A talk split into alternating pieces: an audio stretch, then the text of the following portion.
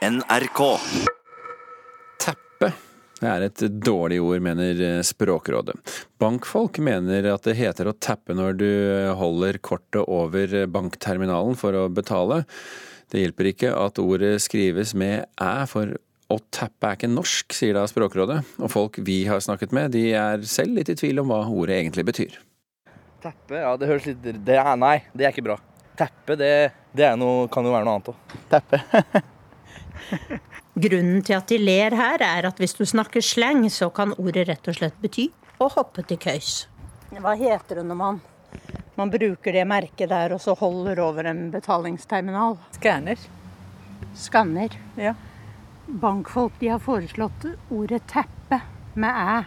Nei, det er vel feilskrevet engelsk tapping. Høres jo litt morsomt ut, da. At ordet er mer engelsk enn norsk, er Språkrådets direktør Åse Vettås enig i. Det skrives med æ, og det signaliserer jo da ekstra tydelig at dette er eh, et, et engelskspråklig ord. For, eh, for hvis, eh, hvis en hadde valgt skrivemåten med a, så ville jo uttalen vært tappe på norsk. Det er vårt nasjonale betalingssystem BankAksept som vil ha oss til å bruke ordet teppe. Vegard Heir er markedsdirektør, og han er ikke enig i at ordet er engelsk. Vi, eh, vi har valgt uh, teppe, og så ser vi det som en litt tilbakeføring av et gammelt norrønt uh, uttrykk, som er tappe.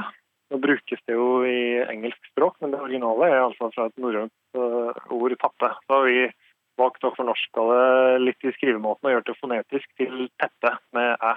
Teknologien som gjør det unødvendig å dra kortet når du skal betale småbeløp, har skapt behovet for nyordet, mente BankAksept, som ba publikum om forslag.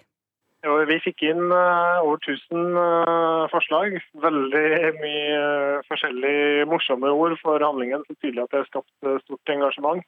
Vi syns uh, teppe er et veldig, veldig, godt ord, som er både dekkende og et uh, ganske morsomt ord. Språkrådet har vært inne som rådgivere i prosessen, men direktør Åse Vettås mener at bankfolket bare i liten grad har hørt på rådene derfra. Jeg tror jo generelt at eh, det er viktig at de som uh, de som vet hvor skoen trykker, og de som har fagkompetanse på området, er med i sånne prosesser for at resultatet skal bli bra. Eh, og så skulle jeg veldig gjerne ønske at eh, de, de rådene våre som gjelder å velge norsk, òg eh, ble fulgt. Festivalsommeren er i full gang, og kanskje folk vil tappe foran tappekranene for å unngå kø, sier Heir. Vi ser jo allerede nå, etter at vi eh, har starta en liten kampanje for å gjøre ordet litt mer kjent, og, og rulla ut eh, at engasjementet er stort på førsten Først nå ut i Festival-Norge, hvor vi ser veldig høy bruk av tapping for å unngå kø og gjøre rask betaling. Bruker du det ordet sånn i sleng? Ja, når jeg betaler, da, da bruker jeg det. Er reporter her, Tone Staude. Unreroute the rivers, let the damned water beat.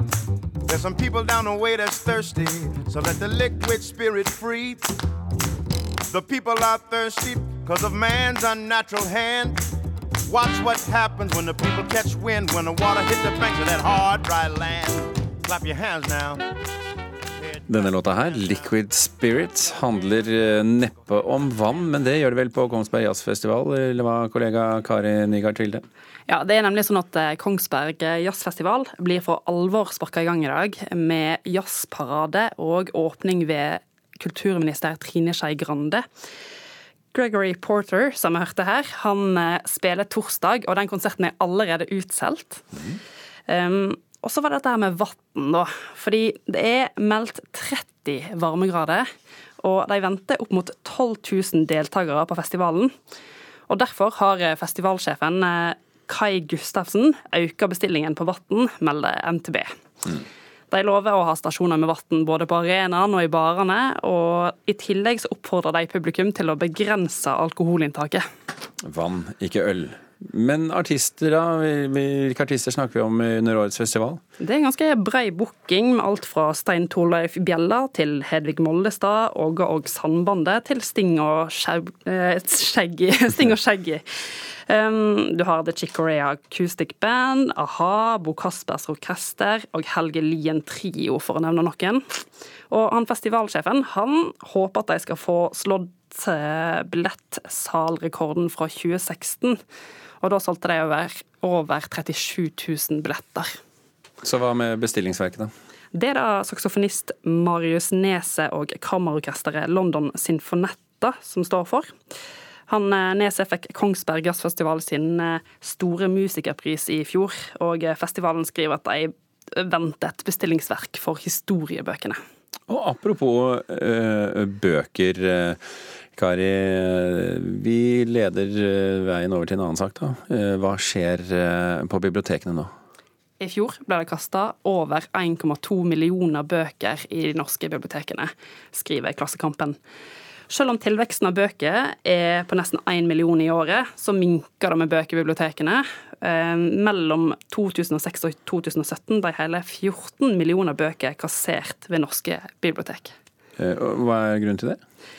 Det er rett og slett fordi det er nødvendig, mener Mariann Skeide, som er leder i Norsk bibliotekforening. Hun sier bibliotekene ikke skal være boklager, og at, kvitt, og at det å kvitte seg med bøkene handler om at de pleier samlingene.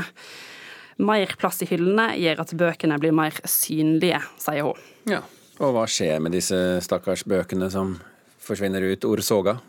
Noen blir sendt til Nasjonalbiblioteket sitt boklager, nei, depotlager. Eh, noen blir gitt til institusjoner, noen blir solgt billig på bibliotekene, og en god del går til papirgjenvinning. 1,2 millioner kroner Nei, Bøker. 1,2 millioner bøker bare i fjor.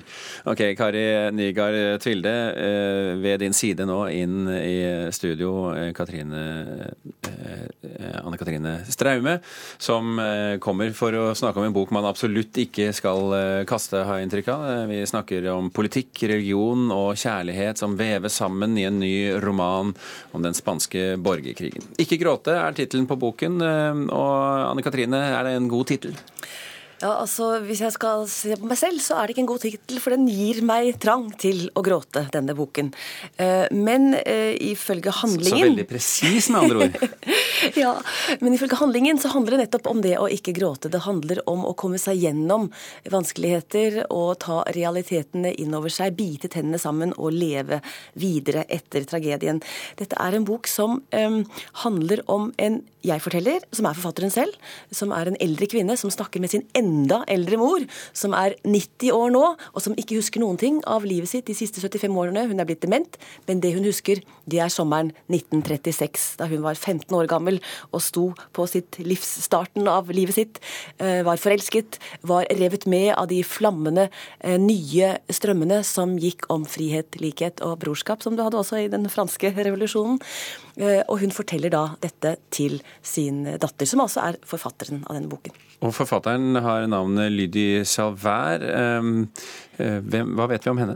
Hun er psykiater. Hun er fransk forfatter, har skrevet et tjuetalls bøker. Ehm, hun er ikke oversatt til norsk før. Dette er hennes første roman på norsk. Denne boken fikk eh, Goncourt-prisen, altså den store franske prisen, i 2014. Og jeg håper jo at det kommer flere av hennes bøker på norsk nå etter hvert. Men det er jo skrevet ganske mye om den spanske borgerkrigen tidligere. Får vi ny innsikt her? Ja, dette er en original historie.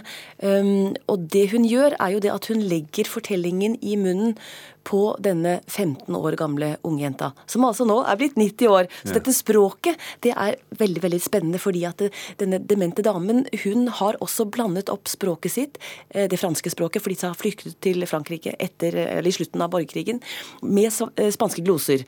Eh, og det er altså også en god del banneord her, ganske kraftige uttrykk, som en del demente får inn i språket sitt etter hvert som de ja. mister litt av, av kontrollen, kanskje. Ja. Så vi har på den ene siden denne denne ungjenta eh, hennes blikk på eh, opplevelsene. På den andre siden så har vi altså de virkelige historiene til en fransk forfatter, Georges Bernanos heter han.